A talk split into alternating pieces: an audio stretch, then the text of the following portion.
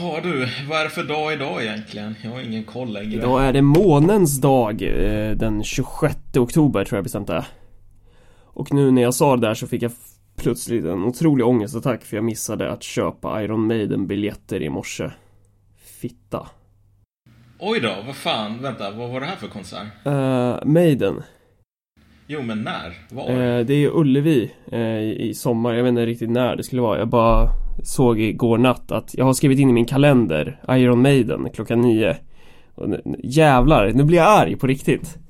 Ja, nu påminner du mig om att Snoop Dogg kom till Uppsala för, för ett tag sedan tror jag. Och jag hade tänkt att gå, men så, så glömde jag bort det som jag alltid gör. Det är nu jag ska låtsas som att jag inte vet vem Snoop Dogg är och sen bara citera han generalen i South Park och säga I don't listen to hiphop. Ja, nej. Eh, Maiden är ju någonting av det svenskaste vi har. Faktiskt. Det finns ju ingenting som är så svenskt som att stå i, i en grupp eh, och, och vara svettiga och skrika Maiden och sen klappa. Det... Ja, nej men precis. Och folk säger att det inte finns en unik, vacker svensk kultur som är värd att bevara. Det är typ Maiden, lutfisk och typ... Socialdemokrati? Nej. Brännvin hellre. Ja. Socialdemokratin vet jag inte om den är så himla värd att bevara nu för tiden. Ja, den är lite för svag. Helt enkelt. Ja. Eh, men, men, men den, den brutala barrskogsbältesfyllan Den är ju djupt rotad alltså Det är fan ja. ryggraden eh, Hur som helst eh, Ni lyssnar på Marcus och Malcolm Vilket jag antar att ni redan vet om eh, Och i det här avsnittet så ska vi snacka lite om eh, Dels det här med den här skolskjutningen i eh, de här morden i, i Trollhättan eh, Vi ska prata om att eh, eh, det brinner en massa flyktingförläggningar runt om i Sverige och att Sverigedemokraterna lagt ut kartor på sin hemsida så att man kan eh, så ska vara lättare att hitta till flyktingboendena. Så. Eh, och sen så ska vi snacka lite om eh, att man har förbjudit den nya regeringen i Portugal att bilda regering för att de har fel åsikter.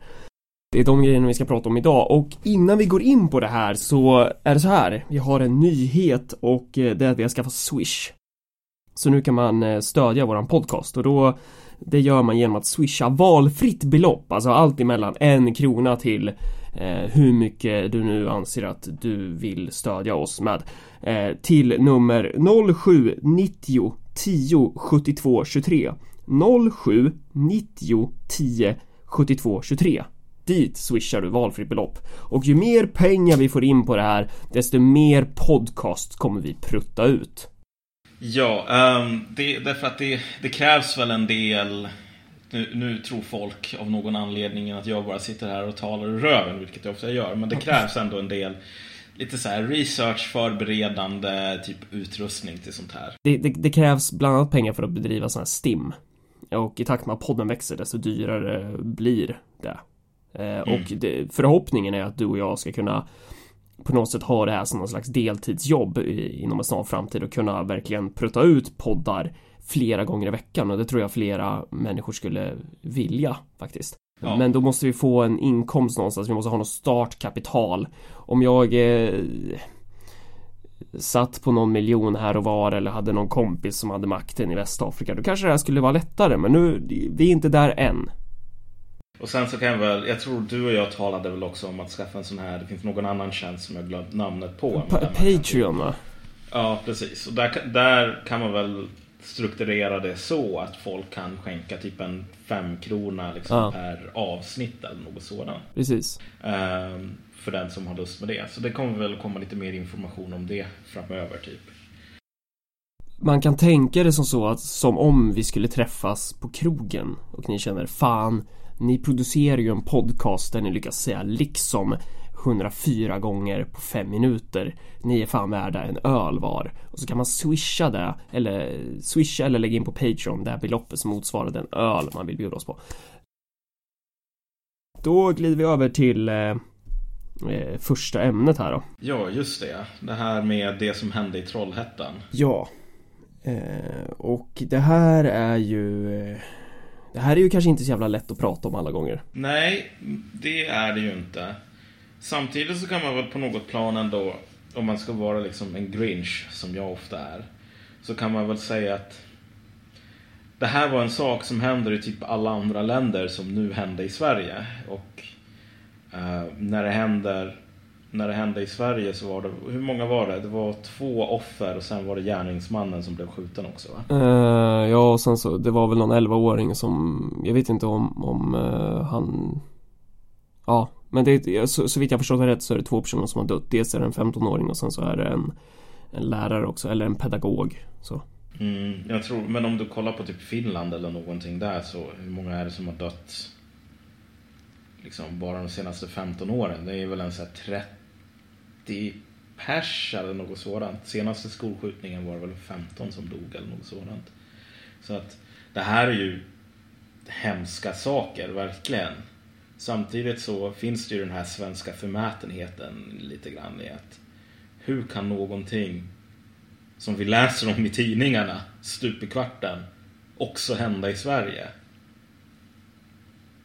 Ja, nej, men det finns en anledning nästan till att man läser om det stup i kvarten. Det är ju att det faktiskt händer. Så.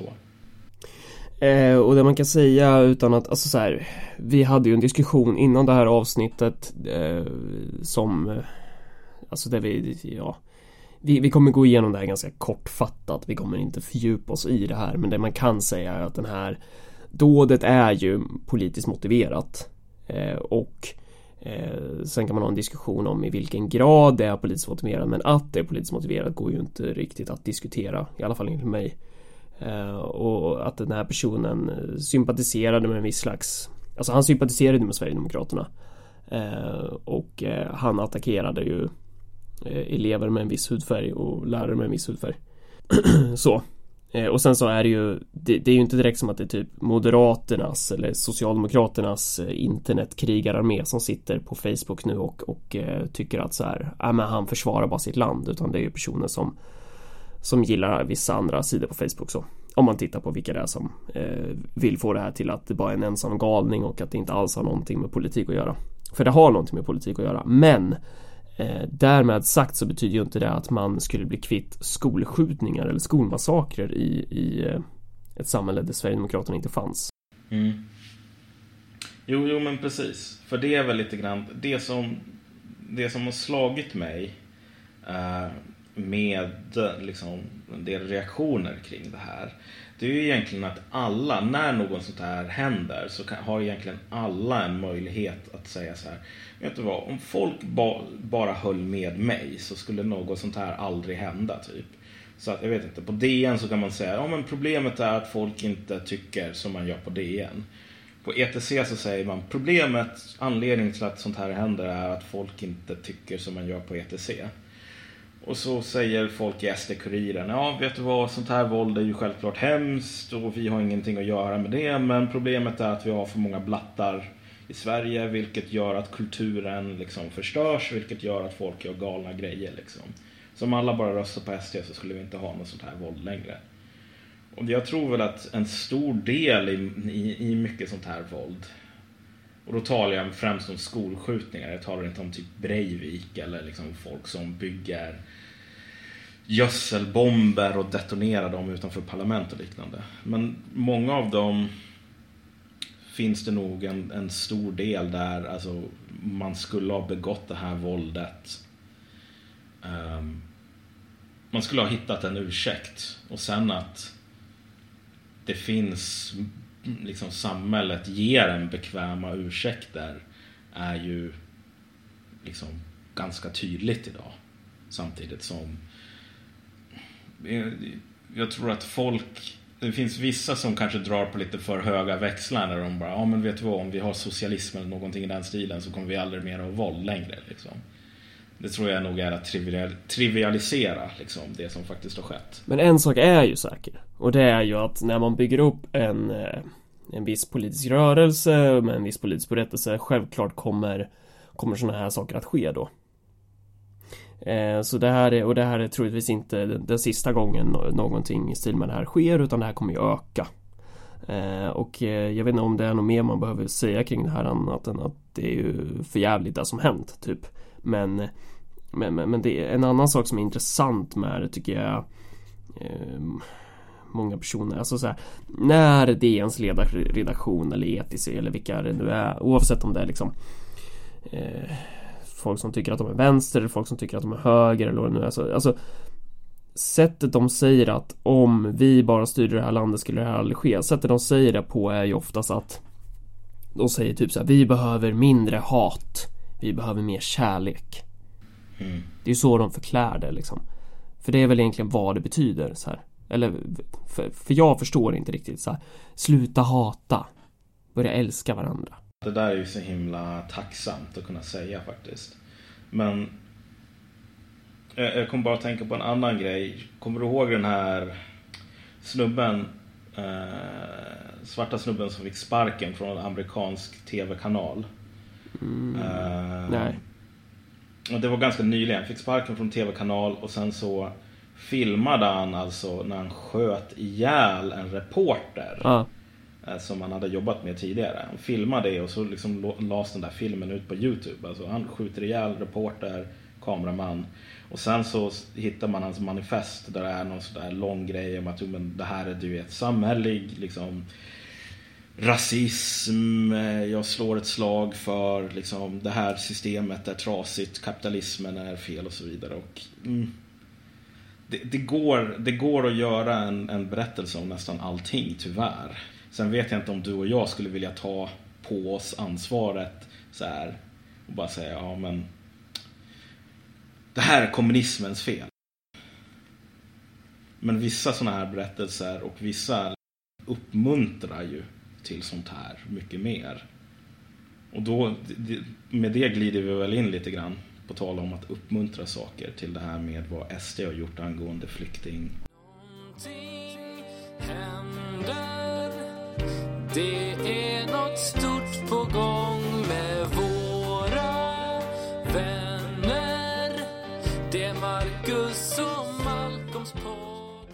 Ja, alltså det har ju eldats friskt i Sverige eh, ganska nyligen. Eller ja, nu. Det eldas ju för fullt. Det är brandattentat, mordbränder mot flyktingförläggningar stup i kvarten i princip. Eh, och eh, Sverigedemokraterna har nyligen lagt ut på sin, jag, om jag fattat rätt så var det här i samband med att det här mordet i Trollhättan skedde då. Så, så la man ut eh, från SD Lund om jag förstår rätt. La man ut en karta på sin hemsida med eh, som visade var eh, flyktingförläggningar ligger eh, och var man har tänkt att bygga flyktingförläggningar. Varför gör man så? Mm. Det, där är ju, det där är ju väldigt intressant. Mm. Jag menar, ju, man behöver ju bara läsa på nyheter, liksom läsa nyheterna så ser man ju liksom, man för att kunna lägga ihop två och två behöver man inte vara någon jävla Einstein här. Nej. Samtidigt så illustrerar inte det här någonting ganska intressant med tiden som vi lever i nu. För om du läser typ Aftonbladet Kultur eller någonting sådant och liksom kollar på, jag vet inte vad, Hela Sverige skramlar och så här eh, välgörenhetsgala. Mm. Det finns ju verkligen så en halleluja-stämning nästan över det. Kolla, vi i Sverige, vi har visat att vi är liksom världens bästa folk. Världens mest generösa, goda, bla bla bla. Liksom det här orgasmiska självförhärligandet. Om hur generösa man är i Sverige. Och så har du så här fyra eh, flyktingförläggningar som brinner ner på en vecka typ. Vilket är ungefär, ja, lika mycket som det brinner ner i Tyskland. Så, så stödjer verkligheten, om vi säger så, verkligen den här berättelsen som man vill försöka få fram. Från, från, från etablissemangets sida, eller vad man nu ska säga. Antagligen inte så tillvida man inte är beredd att liksom redigera och typ blocka folk som säger jobbiga saker och så vidare. Vilket folk gör, du vet. Du är rasist, du kan dra åt helvete så. Du får ju den här sortens utveckling där vissa människor umgås med andra människor som tycker som dem och hyllar hur bra allting funkar i Sverige och hur eh, du vet, här är alla välkomna. Och sen så har du någon annan verklighet där flyktingförläggningar håller på att brinna ner och där andra håller på att uppmuntrar. Eller inte uppmuntrar officiellt men liksom jag tror inte många gäster tycker att det är någon större tragedi när en sån här brinner ner minst sagt. Jo, alltså Jimmy gråter ju varje gång. Ja, Han blir jätteledsen. Eh, det är ju... Ja, nej men de är ju... eh, För det här är ju medveten provokation från Sverigedemokraternas sida. Det här är ju... Det är ju ett politiskt övervägt val. Eh, Mm. Och det, det är så politik fungerar. Det här är det som man bedriver politik på och... Eh, Eh, Men jag tror den här provokationen kan ju bara fungera därför att man vet att det är en ganska skör bubbla som man kommer med sin vassa nål liksom till. Det är en, du vet, om du lämnar så här klippen med Rosling bakom dig och typ inte håller på och läser Aftonbladet kultur och liksom och och vad folk som håller med dig länkar i din Facebook liksom feed. Ehm, liksom, utanför, om du inte gör det så är den här bubblan ganska skör. Då är det inte så att allting funkar och att allting är utan några som helst problem, om vi säger så. Och med det menar jag inte så här, vet, invandringen, det stora problemet som de inte vill att du ska liksom äh, äh, veta om. Utan jag menar bara så här väldigt konkret. Att Kommer du ihåg den här i ETC och liksom på lite andra ställen där folk blev så himla rosenrasande på det här med SD-troll som frågar men hur många flyktingar är du beredd att ta emot då? ja,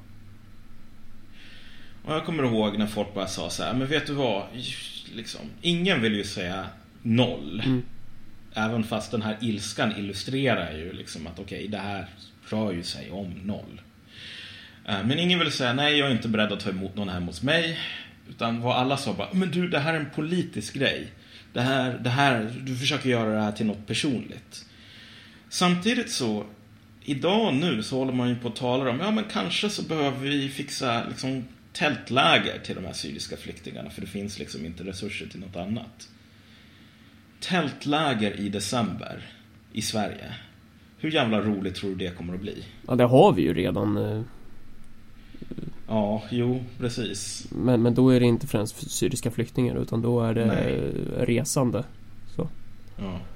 ja men precis. Men då, nu, ska, nu blir liksom det den officiella liksom, metoden att hantera kanske Ja. människor. Ja men vet du vad, här, du får ett tält. Eh, och det blir en 18 minus på natten, ha det så jävla roligt liksom.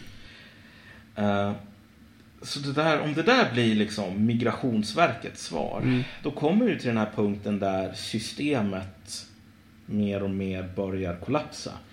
Och med systemet menar vi då är det här systemet att ta emot, hantera flyktingar på ett sätt som liksom inom, inom parametrar som vi, vi, vi tycker är schyssta. Och då, när det händer, så blir ju den här frågan, hur många är du beredd att ta emot personligen? Liksom, blir ju relevant igen. Därför att om ditt svar fortfarande är noll, så finns ju risken att, ja, nej, men en del syriska flyktingar kommer att frysa ihjäl. Liksom. Och det är just det som är så himla, eh, precis som du sa innan, att det blir så himla, vi ska ha mer kärlek, det behövs mindre hat, det behövs mer godhet liksom. Och, och du har det här liksom Hans Rosling, Aftonbladets kultur, hela den sfären där man bara håller på att tala om den här kärleken och så vidare. Men vad betyder det här i praktiken? Vad kommer det att betyda i praktiken? Kommer de här människorna att vara lika kärleksfulla när när det inte längre går att säga någon annan måste fixa det här, systemet måste fixa det här. Jag vet inte vad du, vad du tror där, men jag är nog faktiskt ganska skeptisk. Ja det går aldrig.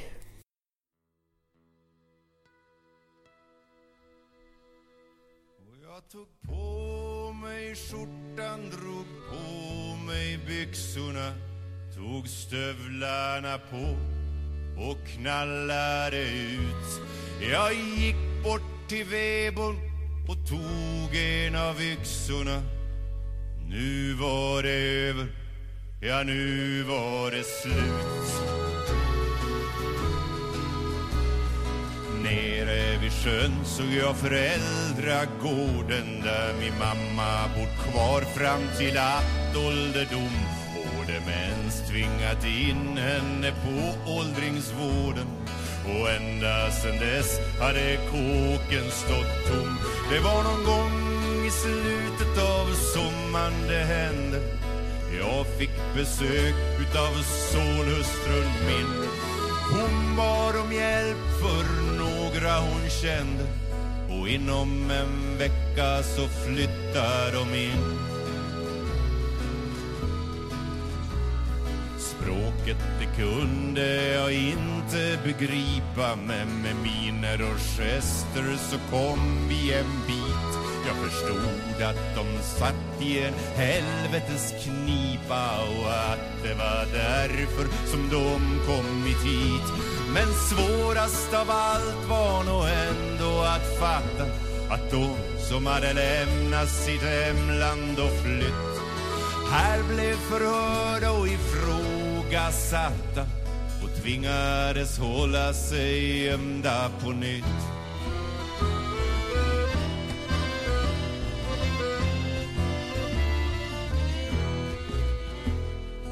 Kvinnan hon genomled sömnlösa nätter med lamporna på för att känna sig trygg.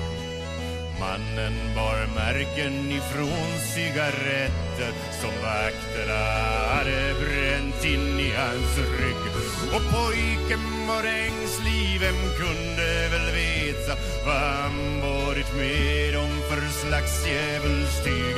Men jag såg när jag gick till sjön för att meta hur pojken smög efter och titta i smyg. Sommaren blev höst och hösten blev vinter och mörkret var tungt och kölden var svår. Sonhustrun kom med Julias inter och vi överlevde och vintern blev vår. Och han lagade köksklockan som hade stannat. Sen blev han tårögd och krama min hand och hon bjöd på bröd som smakar något annat och hon såg med lamporna släckta ibland.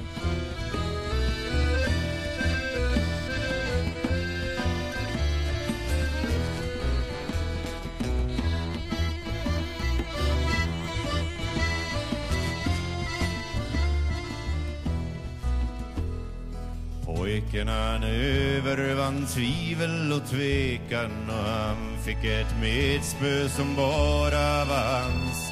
Ibland så satt vi i timmar i ekan och allting var enkelt. Framtiden fanns klockan fyra på natten med utvisningsår Kom åtta poliser, aktionen var snabb. I båthuset väntar ett metspö, det står där och väntar förgäves på en femårig grabb.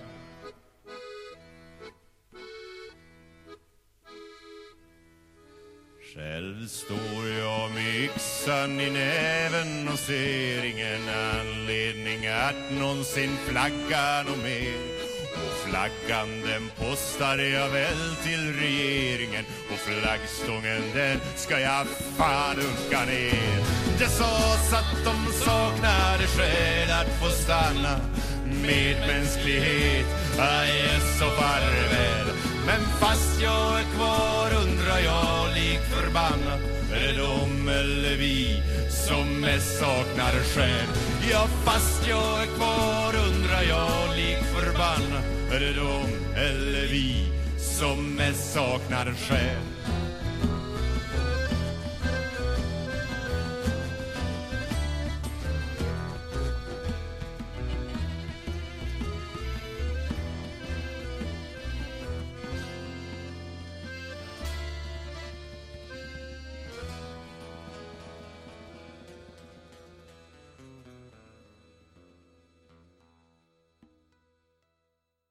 Ja nej men vad fan vad ska man säga? Det är ju så här Hela den här invandringsdiskussionen tycker jag är så otroligt skev för att Det det i grund och botten handlar om är en resursdiskussion. Eh, och när man diskuterar hur många invandrare har vi råd att ta emot så gör man ju det utifrån eh, en premiss, ett antagande om eh, utifrån, alltså hur många invandrare har vi, har vi eller hur många människor har vi råd att hur många människor kan vi ha i det här samhället i relation till de här resurserna utan att rubba den här och den här levnadsstandarden för de här människorna? Eh, och det intressanta som jag tycker är ju att eh, Jag vet inte om, om, om eh, de här toleranta, kärleksfulla människorna eh, är lika toleranta och kärleksfulla den dagen de inte längre kan konsumera, att de, alltså genom sin konsumtion visa att de är toleranta och kärleksfulla och köpa sina Fairtrade-kaffen och allt sånt här. Jag vet, jag vet inte om de kommer vara eh, om det kommer låta på samma sätt då. Eh, Ja men precis. för, för grejen är den så här, det här är alltså Att skylla på invandringen det är ju egentligen att, att, att eh, eh, Peka finger på, på ett symptom av sjukdomen snarare än att peka på sjukdomen vi, Alltså där, där vi har ett problem med Är ett grundläggande resurs, eh, resursproblem, det har vi problem med vi har ett problem med att, att en liten, liten del av samhällets befolkning eh, roffar åt sig väldigt, väldigt, väldigt stor del av rikedomen. Vi har ett problem med att vi inte producerar den här rikedomen utifrån en planerad och sund hushållning. Eh, och det är först då vi kan hantera eh, väldigt stora människoströmningar eller vi kan hantera det på ett bättre sätt. Vi kan, vi kan ha en större översikt. Men om vi ska ha, fortsatt ha det här systemet och med det här systemet menar jag det här systemet där bankirer kan tjäna miljarder, där politiker plockar ut 150 000 i månaden, där, där så här välfärden läcker, där, där, du vet, det här fina, goda, kapitalistiska Sverige. Om vi ska fortsätta ha det, ja men då eh, då kommer det ju, det, det kommer ju belastas och, och eh, det, det SD gör är ju, de gör det ju väldigt lätt för sig. Alltså SD vill ju inte alls avskaffa det här systemet utan de har ju bara hittat ett symptom som de pekar på. Man skulle lika gärna kunna peka på, på bankirer eller på, på politiker. De har ju till skillnad från, från flyktingar eh, faktiskt mer ansvar för vad som sker. Så, de är ju mer skyldiga. Ja. Men, men liksom, de är fortfarande ett symptom på någonting större. Jo, samtidigt, samtidigt så kan man väl säga så här att om jag- när, du sa det, jag satt lite och funderade, försökte sätta det i relation till mitt eget liv till exempel. Eh, Och jag tänkte så här, jag bor i en etta. Och jag kan ju i och för sig säga så här, men jag kan inte ta emot något sån här fem flyktingar i min etta, det blir för litet. Samtidigt som liksom det som jag egentligen säger då, om vi ska skala bort alla pretensioner här om, om vad för sorts människa jag är. Det som jag säger då är att jag inte är beredd att bo under samma förhållanden som folk gjorde för typ en 70 år sedan. Så här. Liksom sex personer på en etta så här, som jag bor i, det var inte så himla ovanligt då. Så att det, blir också den här vad ska man säga? Det, det är så himla enkelt i och för sig att vara någon sån här maoist som säger typ oh, alla svenskar de borde ta självmord för det är imperialister, bla bla bla liksom sådär. Dit vill jag verkligen inte komma. Men det finns nog en poäng att fundera lite så här, inte ur någon så här moralisk synvinkel liksom. Men bara ur en praktisk synvinkel så här. Eh, liksom när du säger det här är en, eh, en fråga om resursfördelning. Liksom alla de här människorna som talar om att vi ska vara så himla generösa och snälla och fina och goda och så vidare. Hur beredda är de att fördela resurser från sig själva till andra om det behövs? Liksom. För visst, i, i någon mån så kan man säga att jo men det finns andra som har ännu mer resurser som vi kan ta ifrån så att jag inte behöver ge upp någonting. Men den där frågan håller alltid på att lura lite grann i bakgrunden. Hur många resurser är jag personligen beredd att ge upp? Och det som jag märker är att nästan ingen är beredd att säga det som jag just sa. Att liksom, okej, vet du vad? Jag har väl liksom vissa... Det, det finns gränser för vad jag i dagsläget är liksom beredd att göra och så vidare. Men om du istället tänker så här då Att om du bodde i ett slott och hade 800 rum Skulle du kunna tänka dig att ge upp några av de där rummen? För det, för det är det som är grejen, det är ju exakt det som är grejen att så här Man kan inte ställa den där frågan rakt av utan att ta hänsyn till hur många rum respektive människa i Sverige har ett jobb. För det är olika mycket. Alltså så här, Sverige som en nation.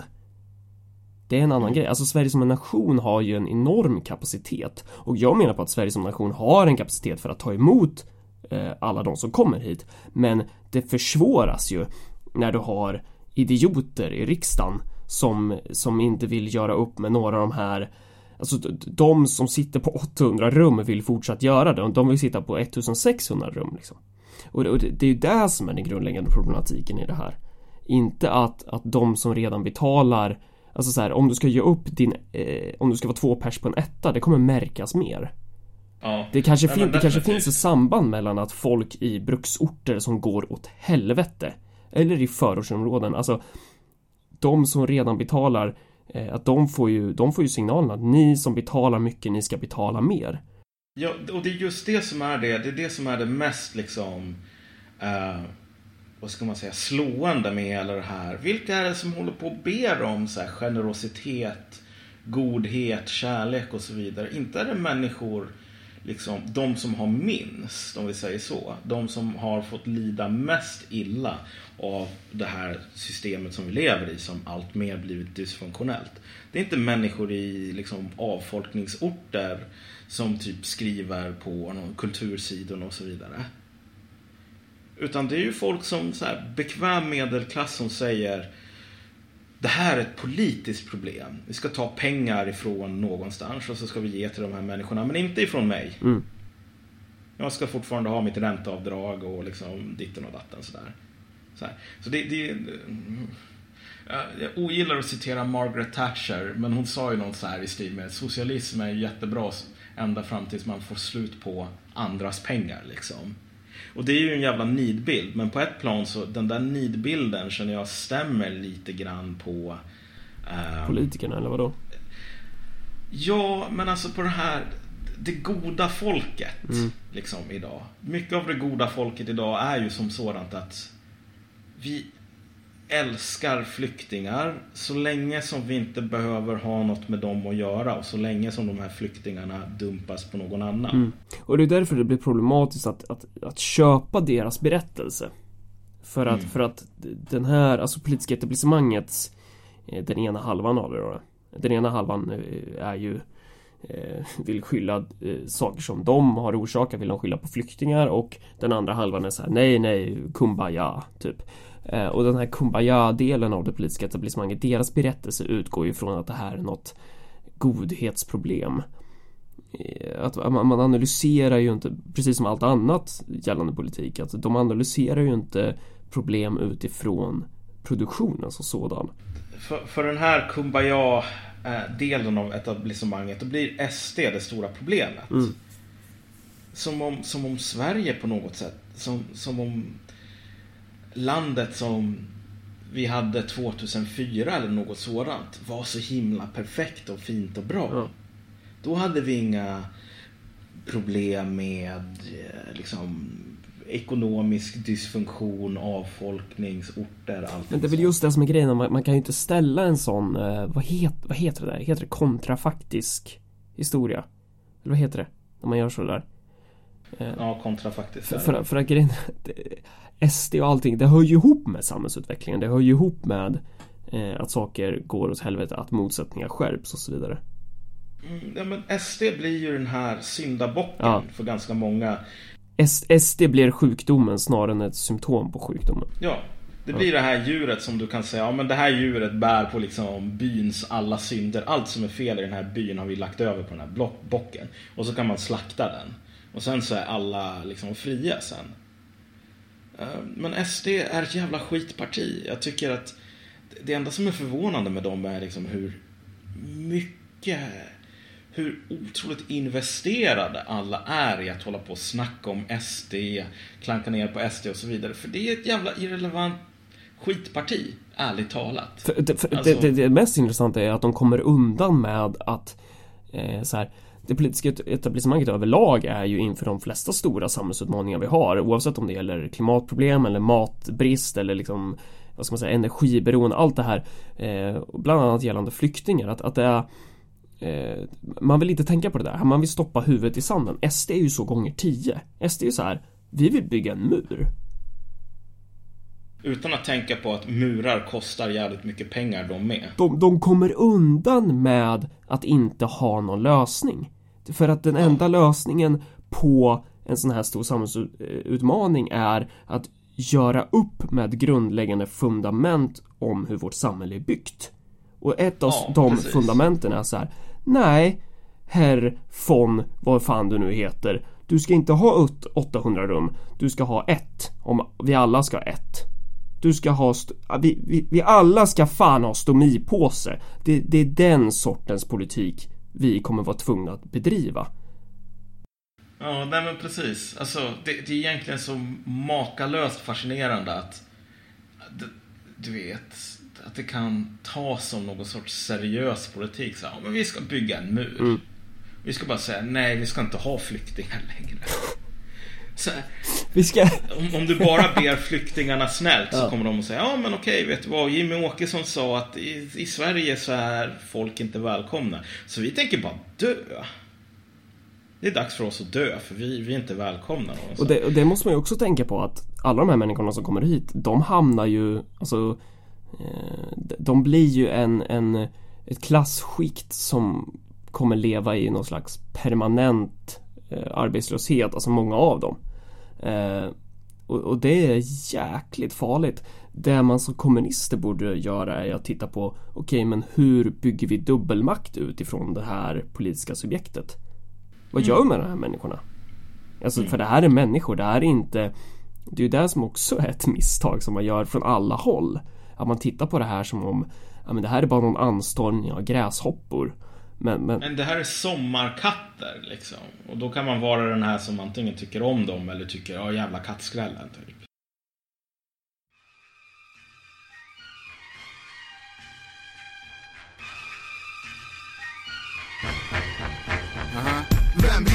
Bryter? Ger dig gåshud som om du fryser? Varm dag som den här, kom igen pysen. Och om du har mens, en sen, vem bryr sig? Jag knullar hela ditt gäng ikväll, släck lyset. Jag störs av när ni skryter, vi har ett simpelt test Och hör om rappen flyter, mannen det är inte lätt. Stanna på internet, varför sikta på oss? Ni idrar med snubbar som är riktiga bror Snacka tabanja, förortsslang och spela mangas. Du tog en tripp igår, har inte landat. Du snackar shit på spå som alla andra. Tog tillbaka din anmälan, sa att du ramlat Snack bakom min rygg, snacka när du ser oss. Folk ringer inte ZTV och vattnar ner oss. Aldrig varit någon förebild, det är något du gör mig till. Hård musik, hård lyrik. Är något som hör det till. Rappare idag, ett gäng i stora tröjor. Seola, gjort det här sen ni låg i blöjor. Ram och Smiley AK, vi bildar Allied Forces. 14 år senare, ta oss ut med blåsläpp Hype i din stad, bara släng den upp. Om du har mer än du behöver, bara släng den upp. Om du har större i din ficka, bara släng den upp. Är jag så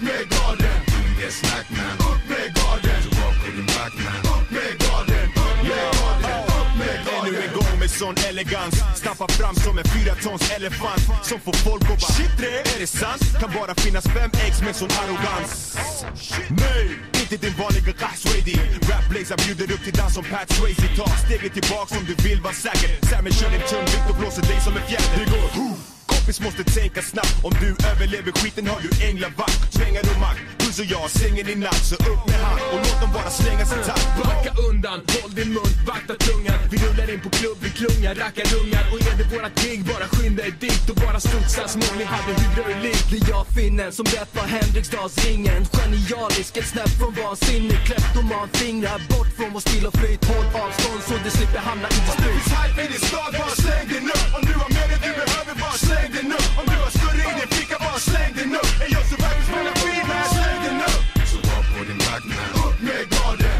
Inget snack man,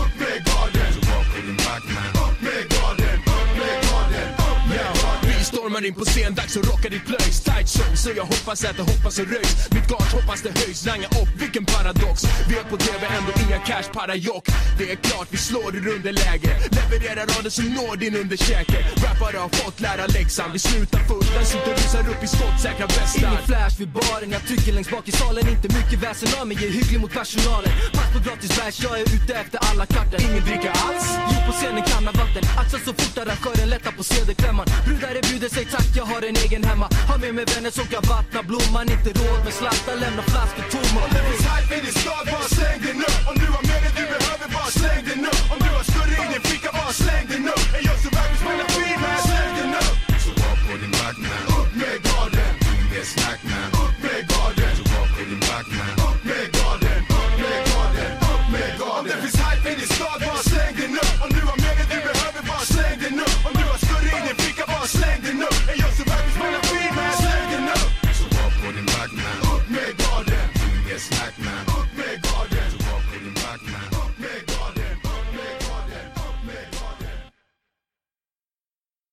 Okej, då ska vi gå in på nästa grej och det kommer vara ganska kort.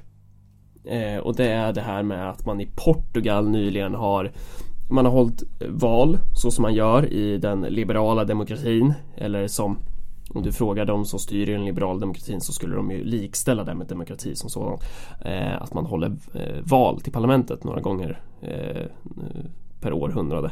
Och nu så har några partier som enligt The Guardian i alla fall definierades som, som vänster. Eh, jag tror det var Socialdemokraterna i fronten eller så. Eh, så som har det är en koalition med tre partier. De har eh, fått 50,7 procent av rösterna. Eh, och därmed så eh, har de ju klart vunnit en majoritet i parlamentet. Men det är ett, ett problem och det är, det är att de de är euroskeptiska och de har inte accepterat alla nedskärningspaket som man tidigare har implementerat i Portugal. Ofta eh, på direkt eh, tryck från Bryssel. Så det presidenten i Portugal nu gör är att han kommer inte låta den här regeringen bilda regering utan istället låter man eh, det konservativa partiet som fick 38,5 procent få bilda regering istället.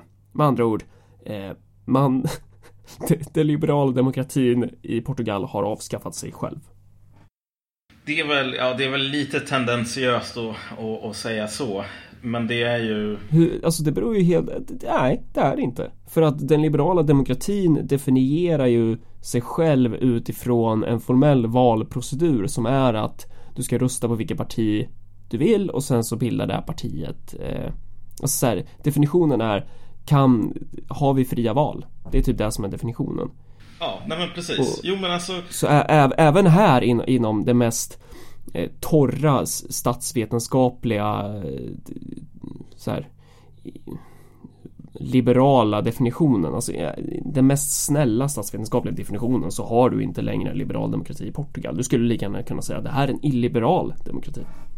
Ja, nej men alltså, men det, det som är så häftigt är ju att det alltid går att hitta på någon sorts liksom, nonsenshistoria om varför det här är extraordinära liksom, omständigheter och så. Och det kommer folk att göra. Så att det är lite grann det som jag menar med att det är nog lite för tidigt att säga att den har avskaffat sig själv. Den håller väl på att avskaffa sig själv. Ja, vi, absolut, vi är inte klara. Du vet, så länge som folk kan motivera sig själva, liksom fortsätta ljuga. Så kommer den fortfarande att leva på något Ja, plan. okej. Det, är bara när, det är bara när inte ens... Du vet hur, hur, hur Sovjetunionen avskaffades liksom. När inte ens byråkraterna i toppen av Sovjetunionen kunde liksom bemöda sig att försvara Sovjetunionen. Typ. Det var då som slutet verkligen kom. Jag tror inte Portugal är där ännu. Men, men det är väldigt fascinerande just att det finns ganska många saker har jag fått intrycket av när det gäller så här parlamentarism. Där det inte finns några hårda fasta regler. Men där folk ändå följer de här reglerna just för att Ja, för, det, det här är någonting heligt. Ja. Om du fattar Och det, det blir ju extra roligt med socialdemokratin som ju Åter ett exempel på socialdemokratin idag, hur handfallen den är från sin samtid. Alltså de är Det här är ju, det är en vilsen politisk det är vilset politiskt väsen som hör hemma i, i, i forntiden. De, de kan inte navigera i det här. De tror ju bara så här, men Bryssel, vi bygger en union för för fackföreningarna liksom. Så- Men kommer du ihåg den här grejen med eh, här barnledighet eh, som vi snackade om, Vänsterpartiet, vad heter hon som Ah, Snäcker, ja, jo. Precis. Och det där var ju ett problem förut. Mm. Och så var det väl Björn von Sydow som var talman då som bara sa att vi har ju inga regler emot det här men jag satte mig ner med alla partier och sa bara så här kan inte hålla på. Ja. Och det räckte, du vet, att sätta sig ner. Man behövde inga regler mot den där sortens fiffel, upplevde i alla fall Björn von Sydow det som.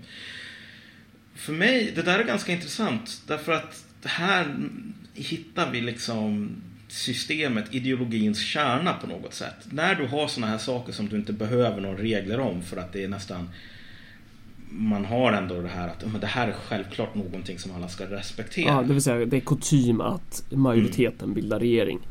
Precis. När man börjar tumma på det så börjar man egentligen, då gör man ofta någonting som är mycket värre än att man bryter mot liksom officiella regler så. Det är en sak att fuska. Det är en sak att bryta mot regler. Det är en annan sak att bryta mot det som alla tycker är så självklart att det inte ens ska finnas några regler om det. Det är då som man verkligen sätter ett, ett ideologiskt system i gungning. Um, och det är inte helt säkert på att Socialdemokraterna och deras koalitionspartner ens skulle kunna sy ihop en regering om de blev frågade så. Därför att det är ju alltid massor med kohandel och sånt här kring det. Ja, men det, jo men det är men... klart. Alltså, i, okay, i, Portugal är det klart. Ja, alltså det var tre partier, de hade ett gemensamt manifest. Allting var klart. Okay. Eh, men, men, problemet var att de var för euroskeptiska. Det var eh, Presidenten motiverade med att det är inte rätt tid för den här sortens politik nu. Utifrån nationens intressen. Alltså precis det som jag pratade om i avsnittet om tekno teknokrati. Att det här är så här, mm. det universellt rätta, du vet. Ja. Man kan inte göra så här utan att allvarligt liksom såga på den här grenen som parlamentarismen som sådan sitter mm. på. Um, och det här är också det som folk, folk glömmer det om typ fascism. Att det här såg som någon, en, en hoppfull ideologi med framtiden för fötterna. Mm. Därför att vad fascisterna sa är att demokratin är korrupt, den funkar inte. Det här är liksom massor med värdelösa människor som gör ingenting bra liksom. Eh, och det såg folk som någonting positivt, det budskapet. Det här kan vi tro på. Vi kan tro att det finns ett bättre alternativ. Nästan bara på grund av att du säger att det som vi alla redan vet, att det som vi har nu suger. Den berättelsen blir enklare och enklare att sy ihop för varje gång något sånt här händer. Varje gång som du går och röstar och sen så har du en person som bara säger Vet du vad, du, du röstade men jag tycker inte att du röstade på rätt sak. Så jag behöver tyvärr här gå in och liksom se till så att det blir rätt. Varje gång som något sådant händer så blir berättelsen om demokratin som är korrupt och bara tjänar de fås intressen på bekostnad av allmänhet jävligt mycket mer uh, trovärdig. Speciellt om man köper att det är det som är demokrati. Ja. Vilket precis. inte är. Men eh, ja, vad fan eh... vi, vi kanske kommer att återkomma till det här. Vi får se hur situationen utvecklar sig. Ja. Men det är inte helt omöjligt att Portugal bara blir det första bland länder där parlamentarismen liksom måste Ja, göra, göra det som nationens intresse kräver. Ja, precis. Man måste tumma lite grann på reglerna ja. för att liksom rädda systemet så. Mm. Grandola